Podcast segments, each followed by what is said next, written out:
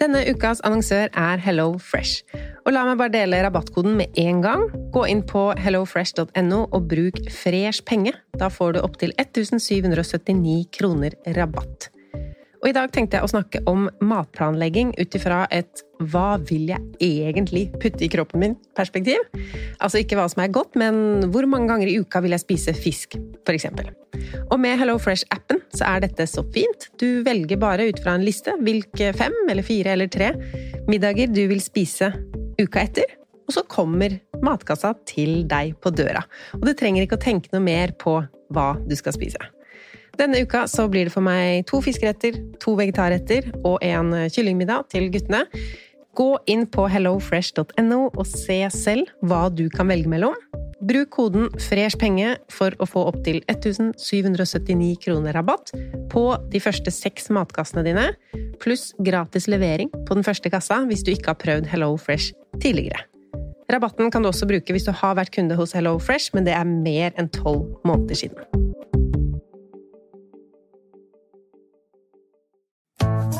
Har du et enkeltpersonforetak eller en liten bedrift? Da har nok Eller vent, sa du nei? Du vet at fiken også gjør det enkelt å starte din egen bedrift? Fiken superenkelt regnskap. Ja, og hjelp til å starte egen bedrift, da. Velkommen til Kjemperådet! Hey! Vi har fått inn et kjempenytt problem fra en mor. Jeg leser. Yes. Hei, jeg har en datter på 11 år som vurderer å slutte med orientering. Hun elsker jo å løpe, men finner aldri veien. Og jeg må sitte så lenge i bilen og vente. Tricky. Yes, Ja, men dette her har jeg opplevd selv, faktisk. Og løsningen for meg ble da Maps på mobilen. Ja, hun er jo under 13 år. Da får hun 5 gigabyte data for bare 149 kroner med Telenor. Oi. Hun bør jo sjekke ut nye mobilabonnement på telenor.no, da. Yes!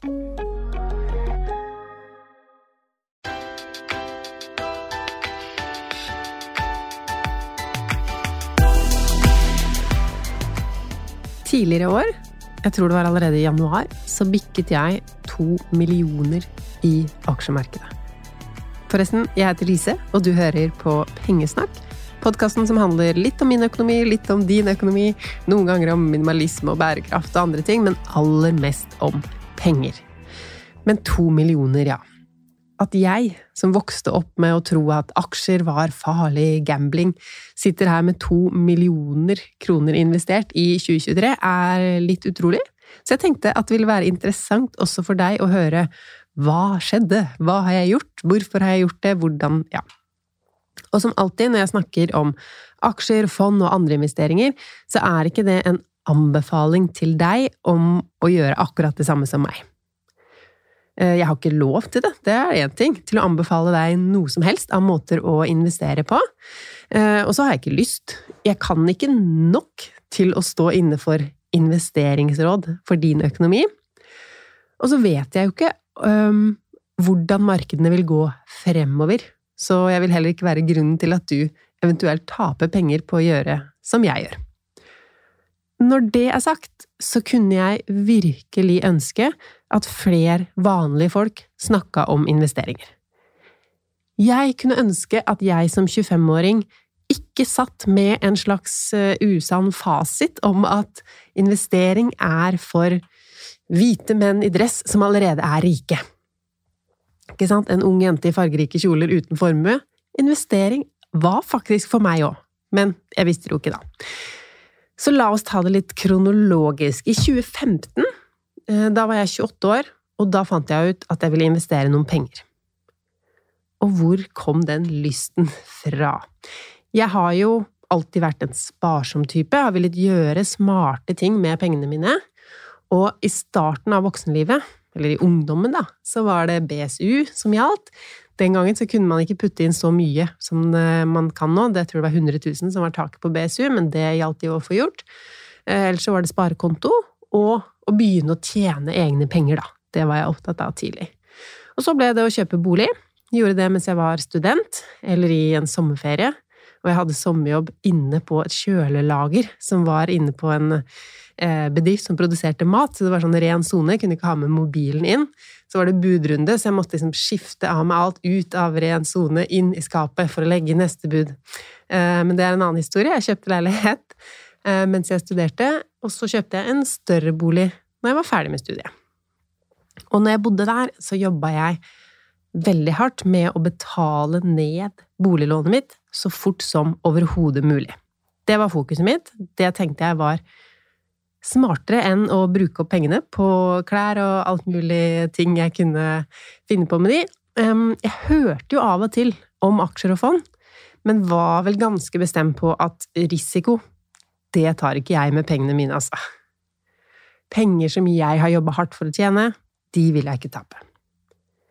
Men så syntes jeg det var litt interessant, da, å kunne få pengene til å vokse mer enn de gjør på konto. Eh, men så landa jeg alltid på at eh, det er ikke noe for meg. Det er tryggere å betale ned på boliglån, og til og med litt ekstra på studielånet. Og så kom jeg over FIRE-bevegelsen. Du vet, økonomisk uavhengighet, vi har snakka om det noen ganger her. Det å kunne slutte å jobbe fordi investeringene gir deg nok til å leve.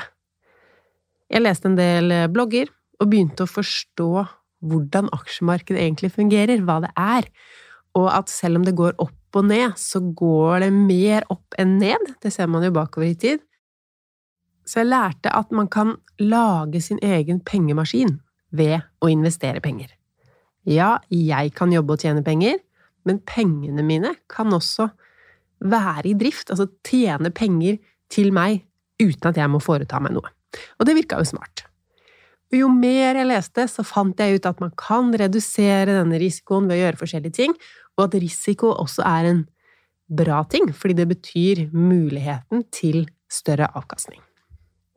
Men for å redusere denne risikoen, så var det en del ting jeg lærte, som jeg har tenkt til å fortelle deg også nå, hvis du er der jeg var.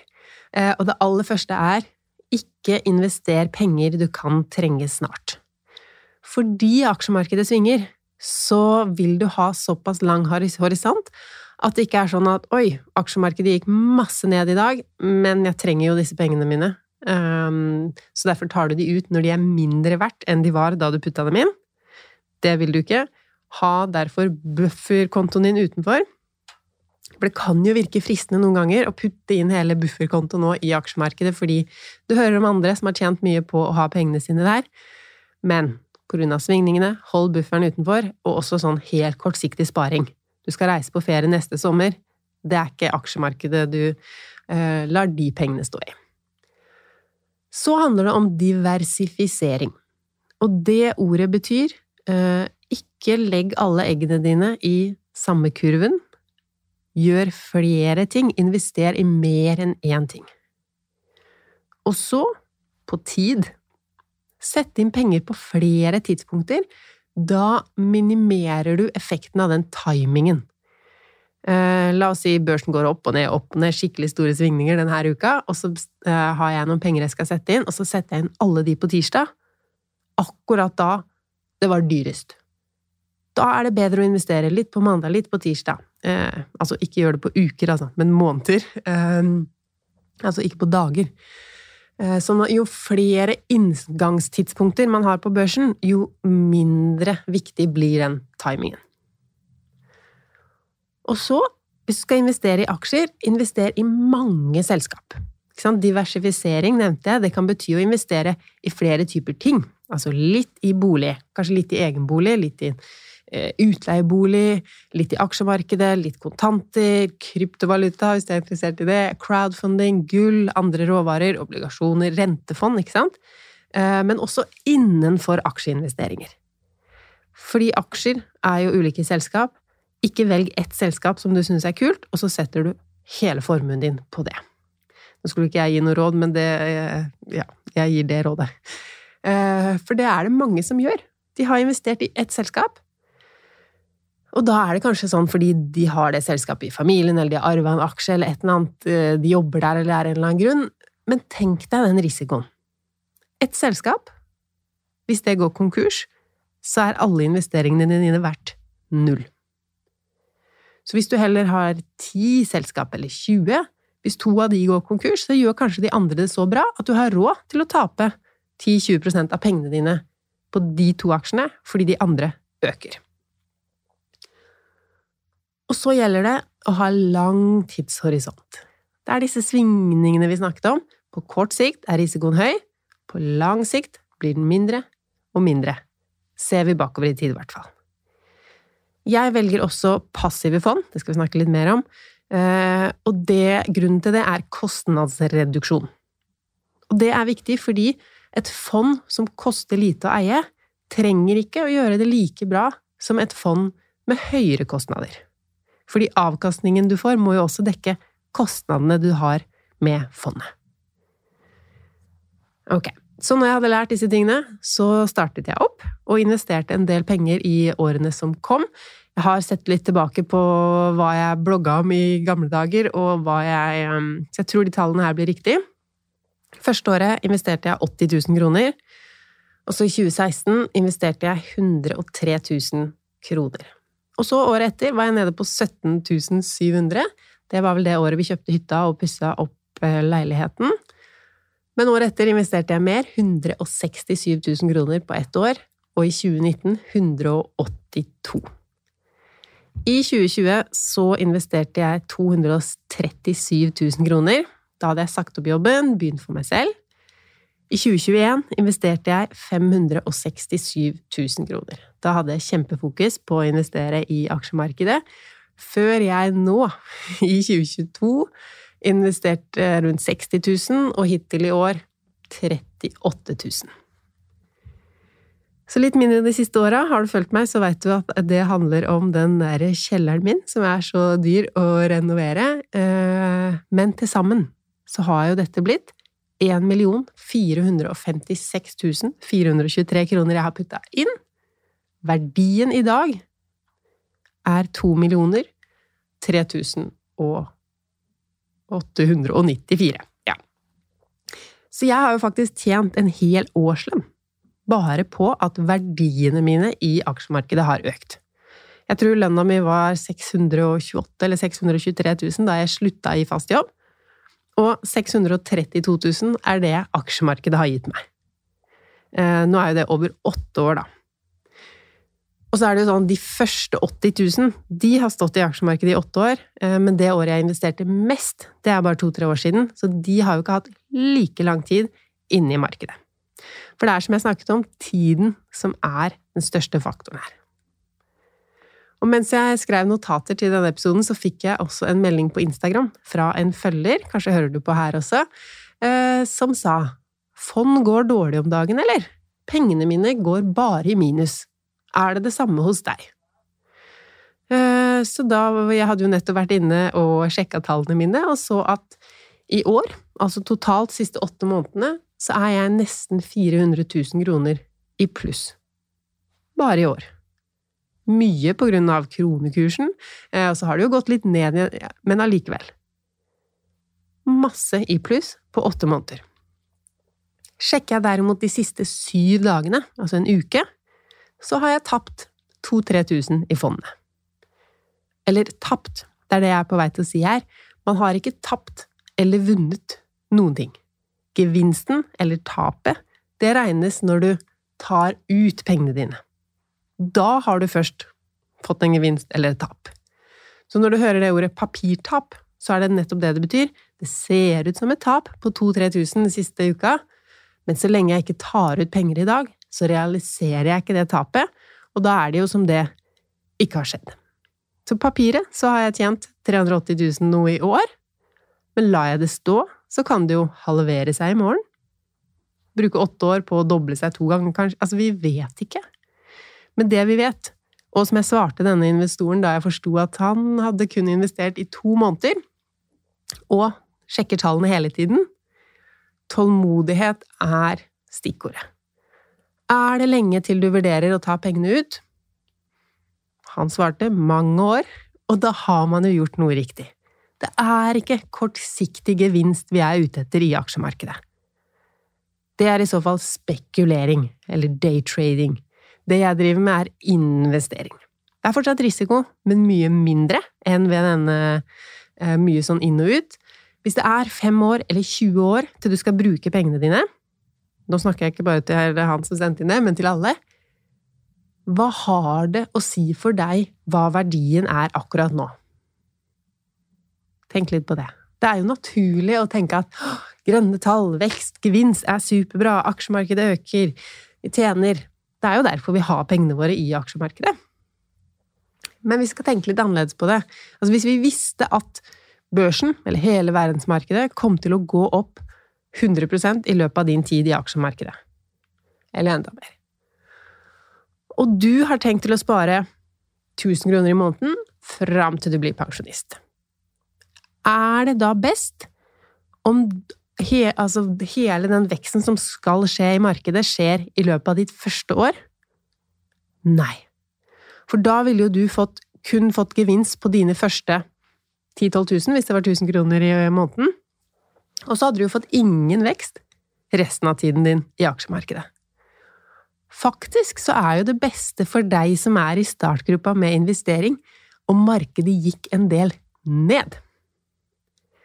For da, når du skal kjøpe dine fondsandeler da, neste måned og neste måned, så får du mer aksjer for pengene enn om de allerede hadde begynt å vokse mye. Og nå er jo dette en tenkt situasjon hvor vi vet hva det skal eh, vokse med, og det vet vi ikke i den virkelige verden. Eh, men nå sporer jeg litt av, eller egentlig ikke. Poenget er at det er kanskje ikke noe å juble over å se vekst i starten av investeringsreisen, selv om det føles best å se. Pengene mine vokser, det er bra, men da er det også dyrere å kjøpe dine neste fondsandeler. Og når jeg sier dyrere, så er det ikke hvis du har tenkt at jeg skal investere 1000 kroner i måneden, at det plutselig blir 1100, 1150. Eh, du får bare mindre aksjer for samme summen, så du kan investere samme sum. Så er det jo naturlig, da, når jeg ser tilbake på min eh, reise, man kaller det, fra null til to millioner, hva kunne jeg ønske at jeg hadde gjort annerledes? Nå som jeg er åtte år inne i dette, hva ville jeg endra på? Og da er det jo én ting ehm, Jeg kunne ønske at jeg hadde begynt tidligere. Så klart. Ikke vært så ivrig på å betale ned lån, men også investert. Og så kunne jeg ønske at jeg bare visste at det gikk an å investere 100 kroner i måneden eller 500 kroner i måneden, for da hadde avgjørelsen vært så liten. For meg var det jo en veldig stor greie, fordi jeg hadde et stort overskudd hver måned, som jeg brukte da på å betale ned på boliglånet. Jeg tenkte at det var lurt. Um, så når jeg tenkte skal jeg investere eller ikke, så var det eh, med en gang sånn 10 000 kroner i måneden, altså større beløp. Eh, og hadde jeg visst at man kunne bare sette inn bitte små beløp eh, Man kan ha et fast trekk på 100 kroner i nettbanken til et fond. Da får man jo spredd investeringen utover i tid. Mm, jeg hadde også fått prøvd meg fram litt uten at det hadde kosta for mye. Terskelen hadde vært lav. Eh, og når man er inne med noen penger, så kan man kjenne etter tåler jeg å se at penger eh, taper seg i verdi. Og så kunne jeg jo ha begynt tidligere. Altså med så små beløp så kan man gjøre flere ting samtidig. Jeg ville jo tenkt boligkjøp først, så sparing til det bør være i fokus. Eh, det mener jeg fortsatt, men man kan spare til bolig og sette noen hundrelapper i fond samtidig, ikke sant? Og så er det en ting jeg tenkte jeg må ha med, for det veit jeg stopper mange av dere. Eh, det er når du har blitt litt nysgjerrig på aksjer og fond, du bestemte deg for å prøve, enten en engangssum, som du vil bare se hvordan går det med de her, den her tusenlappen, eller hva det skulle være, eller et fast lite trekk. 200 kroner i måneden. 500. Eller stort. Du må jo velge selv eh, det. Og så må du også velge hvor skal du investere. Skal du investere gjennom din vanlige bank? Skal du investere gjennom noen som kun tilbyr investeringsprodukter? Der er det et valg å ta. Og du har kanskje fått med deg at du skal investere gjennom en aksjesparekonto. En ASK. ASK. Ehm, det er ikke en investeringstype, men en kontotype.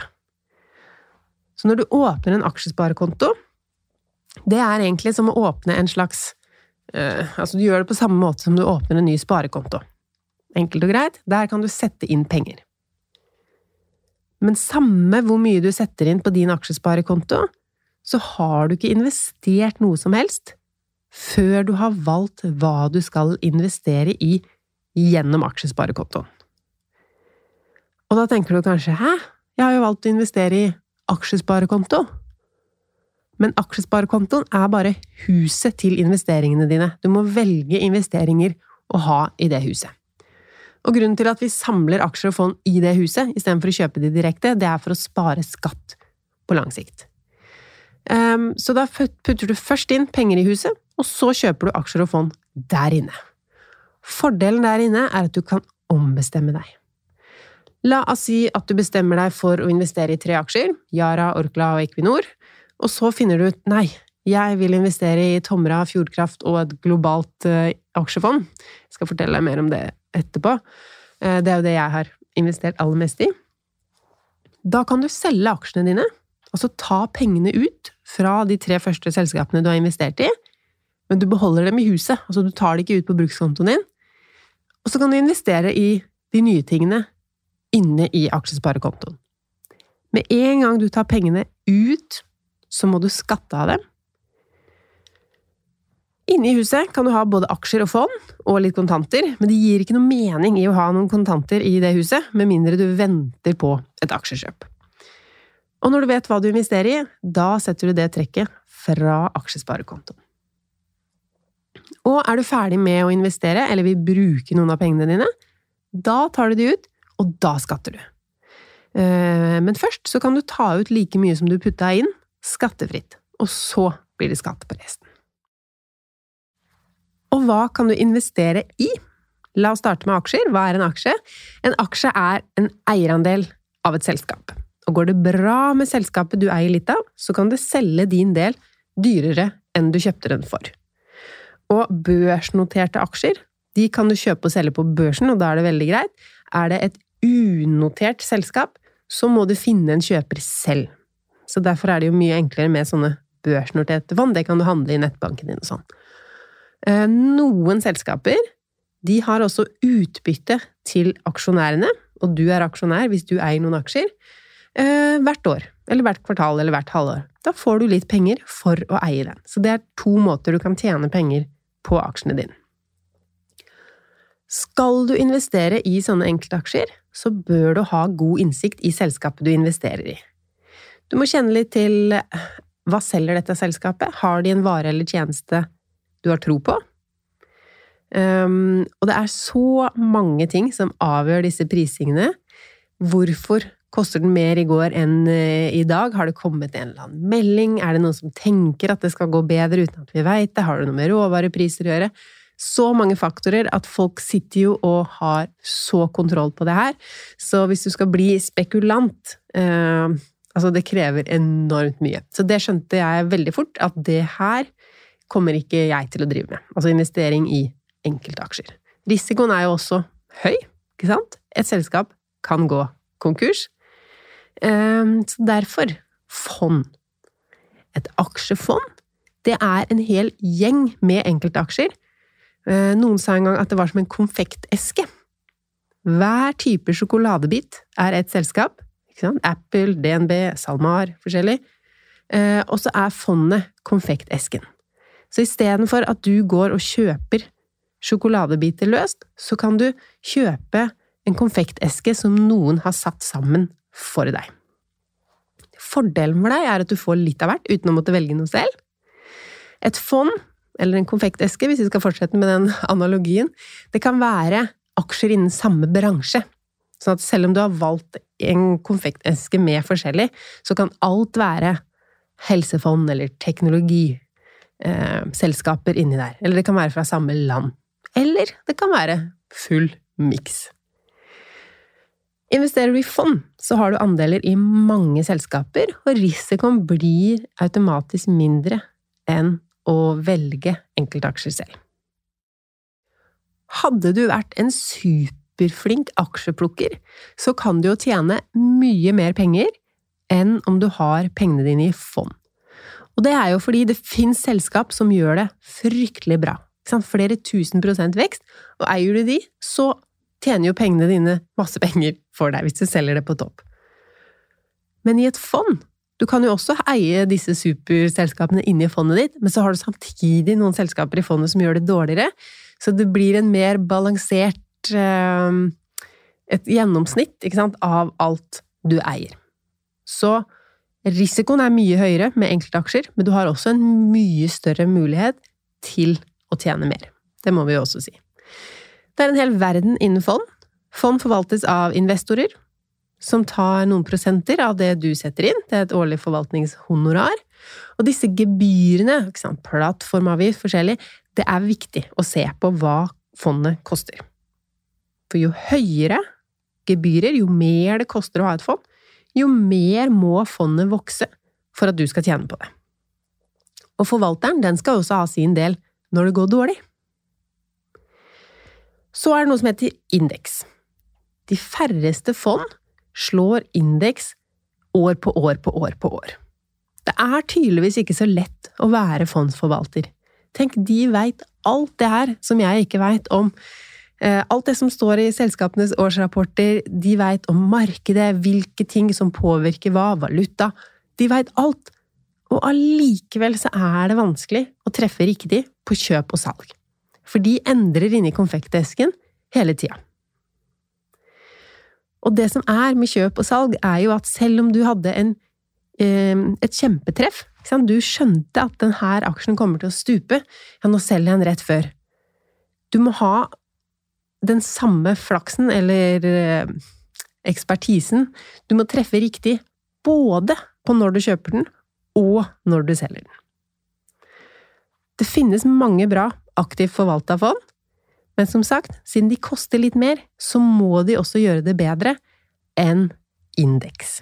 Og hva er indeks? Hvis du hører på nyhetene at eh, Oslo Børs har gått opp, Oslo Børs har gått ned, eh, de forskjellige Nasdaq Det er indekser det er snakk om. Hovedindeksen på Oslo Børs summen av alle selskapene på børsen sin verdi. Så finnes det også egne indekser innenfor bransjer, som kan gi en bedre forklaring på hva som har skjedd i markedet enn hovedindeksen alene. Så er det noe som heter indeksfond. Og det er fond som er passivt forvalta. Det er altså ingen forvalter som prøver å time inn kjøp og salg for å gi oss god avkastning på fondsinvesteringene. Litt forenkla sagt, en norsk indeksfond har kjøpt seg inn på alle selskaper på Oslo Børs. Ehm, de, selger, de, kjøper seg typisk inn i de største, og så er det representativt? Da følger det fondet indeks. Så det fondet har faktisk ikke som mål, sånn som alle aktivt forvalta fond har som mål å slå indeks. Disse fondene har som mål å følge indeks. Og det høres jo litt slapt ut, men når man ser på indeks, um, prøv å google fram et bilde av um, hele uh, Altså Oslo Børs sin hovedindeks fra start og til nå, eller hele verdensbørsen. Liksom ta helt tilbake til 2030-tallet og se de første liksom, dippene. Det har eh, vokst såpass mye at å følge indeks er eh, en innbringende ting. Jeg sparer indeksfond av flere grunner. For det første så er ikke jeg ekspert. Jeg hadde ikke visst hva jeg skulle velge, hva som er smart. Um, jeg syns det er behagelig å ikke måtte kjøpe enkeltaksjer, eller til og med velge spesialfond. Og så er disse forvaltningshonorarene lave. For det er jo ingen som sitter og aktivt forvalter fondet, det er en robot som gjør det. Og jeg har jo lest flere ganger dette med at det er få aktive fond som slår indeks igjen og igjen og igjen, så føles det trygt å følge en indeks. Ok, tilbake til denne aksjesparekontoen og det jeg egentlig skulle si til deg. Eh, det er jo ikke alt du kan investere i gjennom en aksjesparekonto, men det kommer du til å oppleve. Altså hvis du vil ha noen amerikanske enkeltaksjer, det må du investere i utenom. Vil du ha mye rentefond, eller kombinasjonsfond, som er både renter og aksjer i et fond, eh, hvis de har mye renter, så må den også være utenom aksjesparekontoen. Men det jeg skulle si, når du har bestemt deg, du skal begynne å investere, du har valgt om du skal gjøre det i nettbanken eller et annet sted, du har åpna en aksjesparekonto kanskje, til og med bestemt deg, ja, jeg velger aksjefond, eh, ja, jeg har lest litt her og der, og det med indeksfond høres lurt ut, det fins mange indeksfond. Så selv om du har valgt ut én type aksjefond, så er det fortsatt hundrevis å velge mellom. Og det, har, det, er lett å tenke at ja, da bare dropper jeg det hele. Nå har jeg gjort hele den jobben, jeg har bestemt meg, jeg har gjort sånn og sånn. Åh, hva skal man velge? Man blir helt overvelda, og det skjønner jeg godt. Uh, men en vanlig og en bra ting er et globalt indeksfond. Vi snakka jo om Oslo Børs, et norsk indeksfond. Men hvis du har et globalt indeksfond, så er jo det da selskaper fra hele verden. Litt feil å si. Det er de største selskapene i verden, så det er jo veldig mye amerikansk. Eh, men det er lave priser, det er bred diversifisering. Da eier du litt av de største selskapene i verden. Så det er jo også litt kult. Eh, bare velg ett. Velg det billigste, for eksempel. Og så kan du heller bytte seinere om du lærer noe som gjør at du tenker at nei, jeg vil heller ha et fond som følger den indeksen, eller nå ser jeg at den har litt mer eh, bærekraftstiltak, eksempel. Så kan du bytte.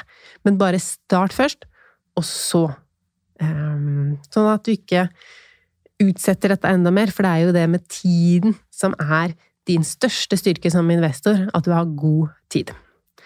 Så ikke at jeg gir noen råd, men dette er det jeg ville sagt til meg selv, i hvert fall. Og så er jo kanskje det spørsmålet jeg burde besvart helt i starten av podkastepisoden. Hvordan i all verden har jeg fått råd til å investere så mye? For én ting er jo avkastningen jeg har fått. Den har jeg ikke jobbet for. Den kommer jo av investeringene mine. Men så har jeg jo også selv putta inn nesten 1,5 millioner, eller 1,4 et eller annet. Så jeg laga en liten liste. Jeg liker jo lister, som du vet, hvis du har hørt på podkasten min tidligere. Og det første handler om fast månedlig trekk. Fra jeg begynte å studere investere. Fra jeg begynte å investere i april 2015, så har det ikke gått én måned uten at jeg har investert. Og mye av grunnen til det er at jeg har hatt det som et fast månedlig trekk. Jeg har ikke trengt å tenke å, jeg må huske på å investere denne måneden. Hva skal jeg putte pengene mine inn i? Ja, kanskje jeg skulle velge noe nytt. Ikke engang begynt på den prosessen som kan ende med at man øh, ikke velger noe, og jeg har ikke trengt å huske på det. Det har gått av seg selv. Og så har jeg jo stadighet til stadighet vært inne og eh, satt trekket opp når jeg har hatt eh, mer til overs, jeg har satt trekket ned, jeg har hatt eh, noen ekstra innskudd hvis jeg har hatt noe ekstra sparepenger. Eh, men det faste månedlige trekket, det har alltid vært der. Så det må jeg eh, si er en stor grunn til at jeg har fått putta inn så mye. Og det andre er jo at jeg liker det her med sparing. Eh, jeg liker å investere, så jeg har prioritert å putte penger i aksjemarkedet der jeg kunne ha valgt å bruke de opp. Og så har jeg hatt et veldig konkret mål å jobbe mot, da. 3 750 000 kroner investert innen jeg blir 40 har vært målet siden jeg starta i 2015. Nå har jeg en kamerat og FIRE-ekspert som har sett nærmere på eh, dette FIRE-tallet mitt. Jeg har jo også dobla forbruket mitt på det jeg regna ut av. Eh, vi har spilt inn en YouTube-film som ikke ender så bra med meg, med tanke, eller for meg, med tanke på hvor mye jeg må investere for å kunne være økonomisk uavhengig. Jeg skal også lage en sånn follow-up-video på den, men den ligger på YouTube-kanalen min, så jeg legger en link i episodebeskrivelsen hvis du vil vite litt mer om hvordan i all verden kan man regne ut øh, om man kan leve på en så og så stor sum i aksjemarkedet. Og så er jo en grunn at jeg hadde nedbetalt bolig, eller i hvert fall lavt boliglån, og etter hvert nedbetalt boliglån. Jobba så mye med dette boliglånet. Øh, og det fikk jeg også gjort i en del år, siden jeg kjøpte bolig såpass tidlig. Så hadde jeg det som min sparing, at jeg prioriterte boliglånet. Så når jeg var 29 år og nå, så hadde jeg plutselig ikke boliglån. Eller plutselig og plutselig. Eh, og det gjorde jo at sånn som nå, når jeg betaler inn 15 000 kroner på boliglånet hver måned, det trengte jeg ikke å gjøre da. Så jeg kunne putte inn 20 000 kroner i aksjefond hver eneste måned den perioden der. Så da må vi jo tilskrive det både til at jeg starta tidlig, og at jeg prioriterte å eh, leve gjeldfritt og ikke kjøpe meg opp. Men så kjøpte jeg meg jo opp og har boliglån igjen nå, så nå har jeg ikke muligheten til å investere så mye igjen. Så er det å tjene mye penger. Eh, jeg tok ikke denne først. Det virker jo kanskje som en eh, naturlig ting at ja, du kunne spare så mye fordi du har tjent så mye, men det var jo faktisk når jeg jobba med vanlig lønn eh, og hadde nedbetalt boliglån, at jeg hadde det høyeste månedlige trekket jeg hadde, på 21 500 i fond. Nå, når jeg tjener mer, så sparer jeg kun 1000 kroner i måneden igjen.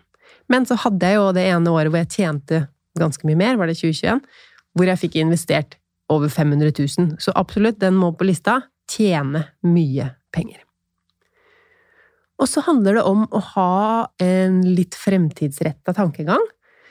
At jeg, når det gjelder mange kjøp jeg kunne gjort, så har jeg tenkt at det er ikke så farlig om jeg ikke har det nå. Kanskje det ser kult ut, kanskje at jeg vil ha det en eller annen gang, men at jeg ikke må ha alt når jeg er 20 år, 30 år. Ja, 40 år er jeg ikke ennå, nå begynner jeg jo kanskje å ville ha alt, ehm, men å kunne tenke at ja, det vil jeg også ha en eller annen gang i livet mitt, men jeg må ikke ha alt nå. Så da kan jeg heller investere mer, så kan jeg bruke penger seinere. Og så er det det at jeg er eh, miljøbevisst og minimalistisk. Å bli en miljøbevisst minimalist, det er kanskje det beste sparetipset jeg har um, til dags dato. Og det høres kanskje dumt ut, men det gir deg en holdning som sparer deg for så mange kjøp. I hvert fall er det sånn for meg. Uh, og hvis jeg kjøper ting, så kjøper jeg det kanskje brukt av uh, miljøet, og da koster det mindre. Men både denne tanken om at jeg vil ikke forbruke unødvendig av klimaet, og jeg vil ikke fylle opp hjemmet mitt, fordi det er ikke bra for psyken min. Um, det sparer jeg mye penger på. Og så kunne jeg jo hatt et punkt her om å ikke pusse opp, så har du råd til å investere masse. Jeg kunne sikkert hatt én million kroner til i aksjemarkedet om vi ikke dreiv så mye med oppussing. Eh, men det er jo en helt annen sak. Jeg hadde Tom, mannen min, på besøk i podkasten før sommeren, så jeg kan legge en link i episodebeskrivelsen til den episoden òg, for deg som vil høre hvordan vi prioriterer, hvorfor gjør jeg ikke som jeg sa, å investere maks hele tida. Nå har jeg investert lite i fjor og i år. Um, og hva er det vi egentlig bygger med denne kjelleren, som blir så vanvittig dyr? Så den legger jeg link til. Hvilke flere punkter hadde jeg her? Ekstra inntekter det har jeg jo hatt fra jeg var student. En ekstrajobb og en enda en ekstrajobb. Begynte å jobbe, hadde en ekstrajobb ved siden av ekstrajobben. Ved siden av fast jobb. Eh, og det jeg likte, og som jeg fortsatt liker, med sånne ekstra inntektsstrømmer, av de så kan man jo investere 100% For hvis du tenker deg din vanlige lønn, hvis du får lønn en gang i måneden, du må betale for bo, du må betale for transport, du må betale for mat? Har du kanskje barnehagekostnader eller noe forsikring? Altså alt det der. Men tjener du en ekstra slump med penger utenom? Hva skal du bruke det på? Det har du ikke noen sånne 'ja, men det må jeg bruke til husleia'. Nei, for det har du jo betalt av den vanlige lønna. Så det kan man investere 100% av, noe jeg gjorde. Og så, som et siste punkt, jeg har aldri hatt dyr gjeld. Jeg har aldri hatt en kredittkortsaldo jeg har betalt på, eller en sånn Klarna-konto. Og det har jo spart meg en hel del penger i rentekroner, som jeg kan bruke på investering. Hadde jeg hatt eh, forbrukslån, kredittkortsaldo eller noe sånt nå, så hadde jeg fokusert på det først. Og så hadde jeg måttet bygge opp en buffer, det hadde jeg villet gjort i hvert fall. Og så hadde jeg jobba med å få boliglånet på et komfortabelt nivå, og så kunne jeg investert i aksjemarkedet. Og der tenker jeg at jeg har vært Eh, heldig, flink, en blanding av heldig og flink, som aldri har hatt den situasjonen. Så jeg har alltid kunnet gå rett på aksjemarkedet, fordi jeg har alltid hatt komfortabelt nivå på boliglån, jeg har alltid hatt en buffer. Ikke sant? Så heldig der. Yes, det var min investeringsreise fra null til to millioner på åtte år. Sjekk linkene i episodebeskrivelsen. Jeg har laga et kurs for deg som vil skape drømmelivet. Vi skal møtes i uke 39. Det er et ett ukes kurs digitalt. Så er det link til podkastepisoden, YouTube-videoen jeg nevnte, og en link til eh, å melde deg på nyhetsbrevet. Hvis du er brevvenn med meg, så går du ikke glipp av noe pengesnakk. Vi høres uansett igjen neste mandag her i Pengesnakk podkast.